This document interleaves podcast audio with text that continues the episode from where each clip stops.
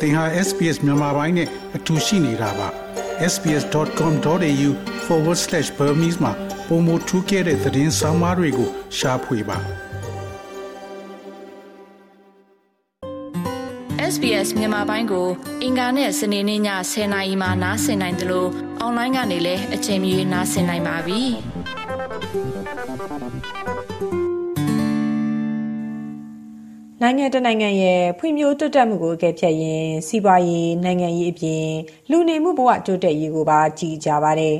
။နိုင်ငံတွင်းစီးပွားရေးချွတ်ချုံကြတဲ့နောက်ဝင်ငွေနေကြတာလူသားရင်းမြစ်မရှိတော့တာတွေကတဆင်ပို့ကုန်သွင်းကုန်လုပ်ငန်းမလက်ပတ်နိုင်တော့ဘူးဆိုရင်စီးပွားရေးနှိမ့်ကြတဲ့နိုင်ငံရဲ့စံသတ်မှတ်ချက်တဲ့အလိုအလျောက်ရောက်ရှိသွားပါတယ်။ အာဏာသိမ်းပြီးနောက်မှာတော့နှိမ့်ချမှုစံသတ်မှတ်ချက်တွေတဲ့မြန်မာနိုင်ငံကကဏ္ဍပေါင်းစုံကနေရောက်ရှိနေသလိုအရွယ်ရောက်အလုပ်လုပ်နိုင်သူတွေပြည်ပထွက်ခွာမှုပိုများလာတဲ့အတွက်လူသားရင်းမြစ်ဆုံးရှုံးမှုကိုလည်းရင်ဆိုင်နေကြရတာပါအာနာမသိန်းခင်2020ကာလအတွင်းချိုင်းနိုင်ငံကိုတရားဝင်ရောက်လာသူ2တန်းနဲ့တရားမဝင်ရောက်လာသူ2တန်းကျော်ရှိပြီးအာနာသိန်းပြီးနောက်မှာတော့ပိုများလာတယ်လို့ဆိုကြပါတယ်။ လက်ရှိအချိန်မှာတော့တရားဝင်ရောတရားမဝင်မှာထိုင်းနိုင်ငံတွင်ရောက်ရှိနေတဲ့ရွှေ့ပြောင်းမြန်မာအလုပ်သမား6တန်းနီးပါးရှိတယ်လို့ထိုင်းမြန်မာအလုပ်သမားရေးဆောင်ရွက်နေသူတွေစီကသိရပါတယ်။အရသာအစိုးရလက်ထက်ကလေးကနေအခုလက်ရှိအချိန်ထိ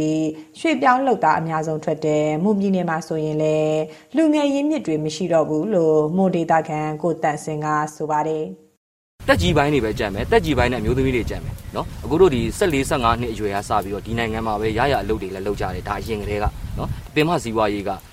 ထိုင်းမလေးစင်ကာပူဖြစ်တယ်နော်အဲ့ဒီကနေပြီးတော့တို့ဟိုတို့တကြံလိုကာလမျိုးမှာဆိုရင်တို့မွန်တွေကပွဲတော်တွေကအရန်များတယ်အဲ့ဒီအချိန်မှာဆိုပြန်လာကြတယ်ကြေးရွာတွေမှာဆိုရင်ကထိန်တွေလုံးမအိမ်တွေစောင့်မယ်နော်လမ်းတွေခင်းမယ်ဒါမွန်ရွာတွေမှာဆိုအခုမှန်းကြည့်လို့ရပါတယ်ဟိုဘယ်လိုအင်ကြီးအိမ်ကောင်းတွေအများကြီးပဲဒီမွန်ပြည်နယ်ရဲ့ဒီအရင်အမြစ်ကနေပြီးထွက်လာတာမဟုတ်ဘူး ဒီနိုင်ငံတွေမှာအလုပ်လုပ်တယ်ပြီးရင်ဒီကနေငွေပို့တယ်ဟိုမှာဘုံကြောင်စောင်းရင်စောင်းမယ်လန်ကင်ကင်မယ်အိမ်စောင်းရင်စောင်းမယ်ဒီပုံစံတိုင်းပဲသွားတာလက်ရှိအနေထားမှာလည်းဒီပုံစံတိုင်းပဲသွားနေတော့မယ်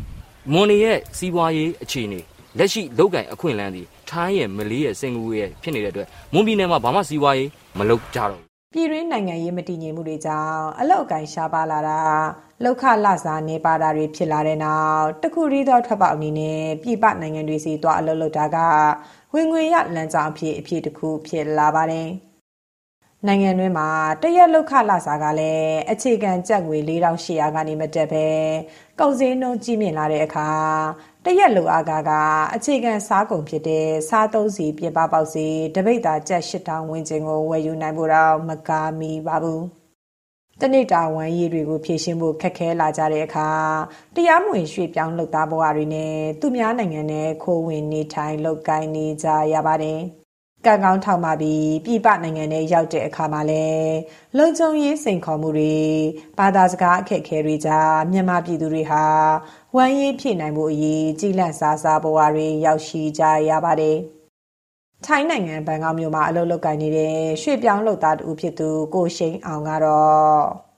ထိုင်းနိုင်ငံမှာဒီလိုတရားဝင်လှုပ်လှုပ်နိုင်နေထိုင်ခွင့်ပေါ့နော်စားရစားတိုင်းလှုပ်တဲ့ဟာတွေက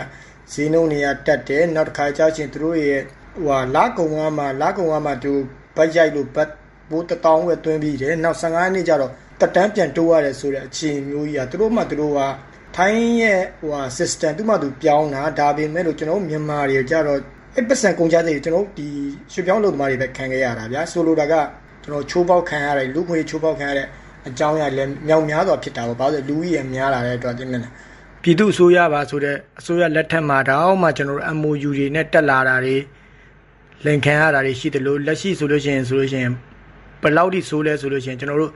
MOU နဲ့ခေါ်တင်လာတယ်တိုင်းမှာအလုပ်ရှာပေးမယ်ဆိုပြီးတော့ဒီရောက်တော့ဘာလုပ်လဲဆိုအခန်းတစ်ခန်းမှာထားထားပြီးတော့တစ်လနှစ်လလုံးဝအလုပ်မရှိဘူးစာချုပ်ပါအတိုင်းတရားပြန်ဆွဲမယ်ဆိုတော့သူတို့ကစာချုပ်ပါအတိုင်းပဲသူကနစ်နာကြေးပြန်ပေးတာနစ်နာကြေးပြန်ပေးတာကမြန်မာငွေ3သိန်းကျပ်ဆိုလိုတာကသူတို့ကုန်ကြခဲ့တာဒီသိန်း20လောက်သိန်း30လောက်ကုန်ကြခဲ့တယ်ဒါပေမဲ့လို့အဲ20 30ဆိုတာစာချုပ်ထဲမှာမပါဘူးအဲ့မှာတည်းဟိုတရားဝင်သွားမဲ့လမ်းကြောင်းတွေဟိုကကျွန်တော်တို့ရွှေပြောင်းမြန်မာတွေအတွက်အကာအကွယ်ဖို့မရှိတော့တာ အပြည်ပြည်ဆိုင်ရာအလုသမားရေးရာအဖွဲ့ ILO ရဲ့အခုနှစ်ဩဂတ်လအတွင်းထုတ်ပြန်ချက်မှာတော့စစ်အာဏာသိမ်းပြီးနောက်အလုသမား41ရာခိုင်နှုန်းအလုဖြုတ်ခံထားရတယ်လို့ဖော်ပြထားပါတယ်။ပြီးခဲ့တဲ့2018ခုနှစ်မှာလူဦးရေ8.2ရာခိုင်နှုန်းလောက်ပဲအလုပ်လိုအပ်ခဲ့ပေမဲ့2022ခုနှစ်မှာတော့54.5ရာခိုင်နှုန်းအထိအလုပ်လိုအပ်ချက်ရှိနေတယ်လို့လည်း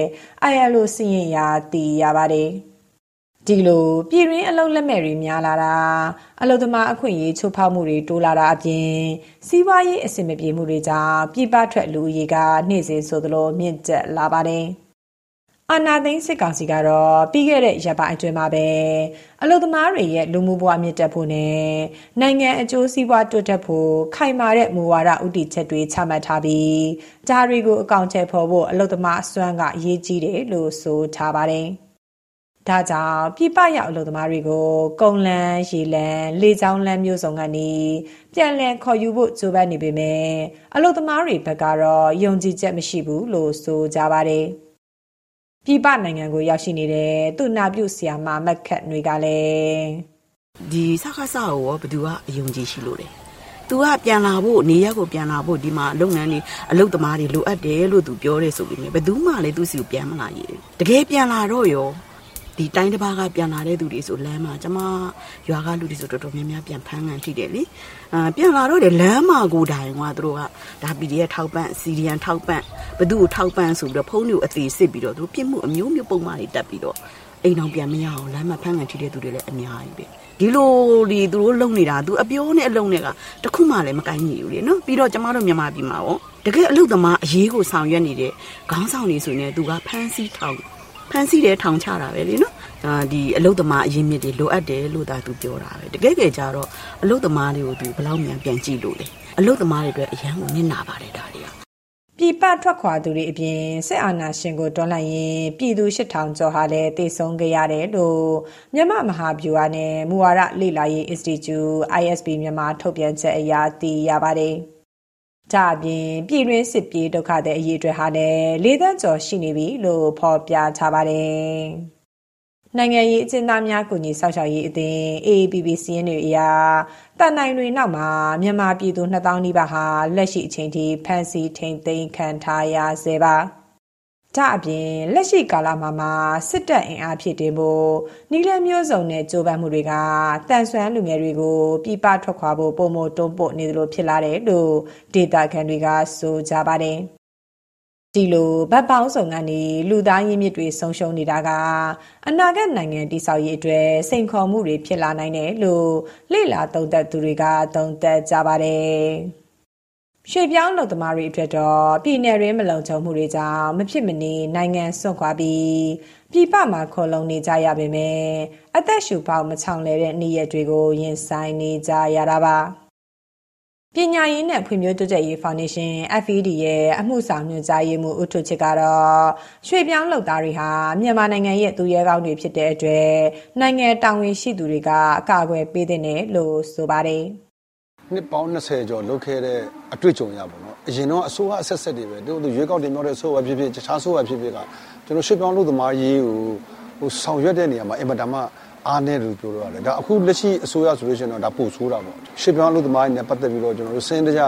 ဟိုကူညီဆောင်ရွက်ဖို့ဆိုတဲ့ဟိုမူဝါဒရေးရာဟို policy recommend ပေါ့နော်အကြံပြုတင်ပြထားတာရှိပါတယ်ဒါပေမဲ့လည်းသူတို့အစိုးရတွေအရင်တော့အစိုးရတွေလည်းဒါမလုပ်ခဲ့ပါဘူးဒါကကျွန်တော်တို့နိုင်ငံတွေအမှန်တ မ်းဝမ်းနည်းစာကောင်းတဲ့အချက်လက်ဖြစ်တယ်ဒါကြောင့်မလို့ရွှေပြောင်းအလုပ်သမားတွေကတကယ်အညာတရသူတွေကောင်းတယ်လို့လည်းပြောလို့ရတယ်သူတို့ကနိုင်ငံခြားမှာသွားပြီးတော့အနေရမျိုးမျိုးကြားကနေပြီးတော့နီးပညာရောငွေကြေးရောအဆက်တွေရော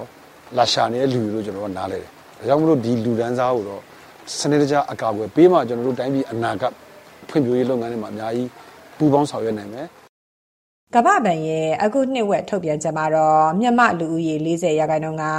စည်ရဲမွဲတည်မှုမြင့်အောင်ရောက်နေပြီးမြန်မာစီးပွားရေးဖွံ့ဖြိုးတိုးတက်မှုနှုန်းက3ရာခိုင်နှုန်းပဲရှိတယ်လို့ခန့်မှန်းပြောဆိုထားပါတယ်။ဒီလိုအခြေအနေတွေကြားမှာပဲစစ်ကောင်စီကပြည်ပမှာအလုပ်လုပ်နေတဲ့ရွှေပြောင်းလုပ်သားတွေစီကနေလောက်ခလာစာရဲ့25ရာခိုင်နှုန်းကိုပြည်ရင်းဗန်တွေကတစင်မဖြစ်မနေလွှဲပေးဖို့ပြီးခဲ့တဲ့စက်တင်ဘာလကထုတ်ပြန်ခဲ့ပါတယ်။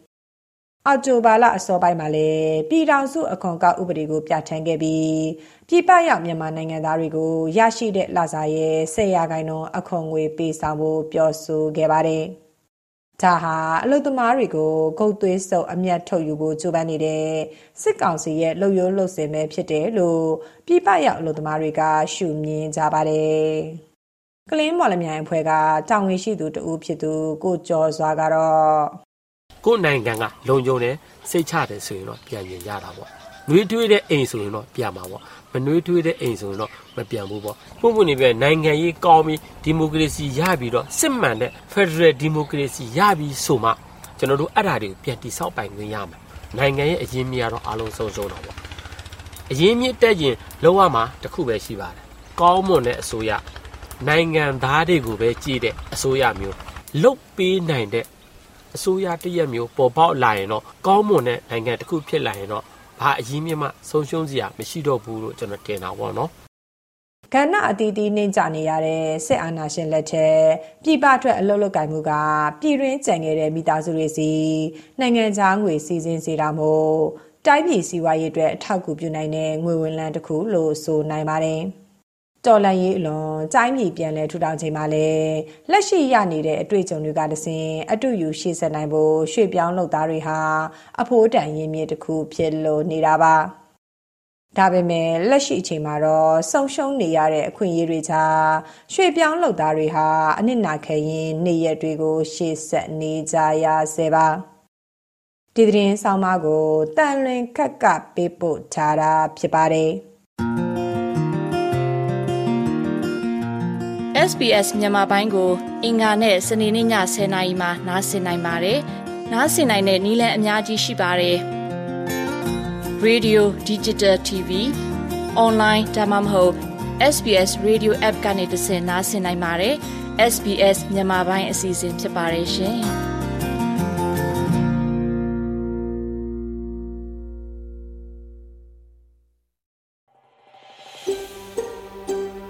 ဒါမျိုးသတင်းဆောင်မတွေကိုပိုနားဆင်လိုပါလား Apple Podcast Google Podcast Spotify တို့မှာသင်ပင်ရာဖြစ်ဖြစ်ရယူတဲ့ podcast ကနေပါ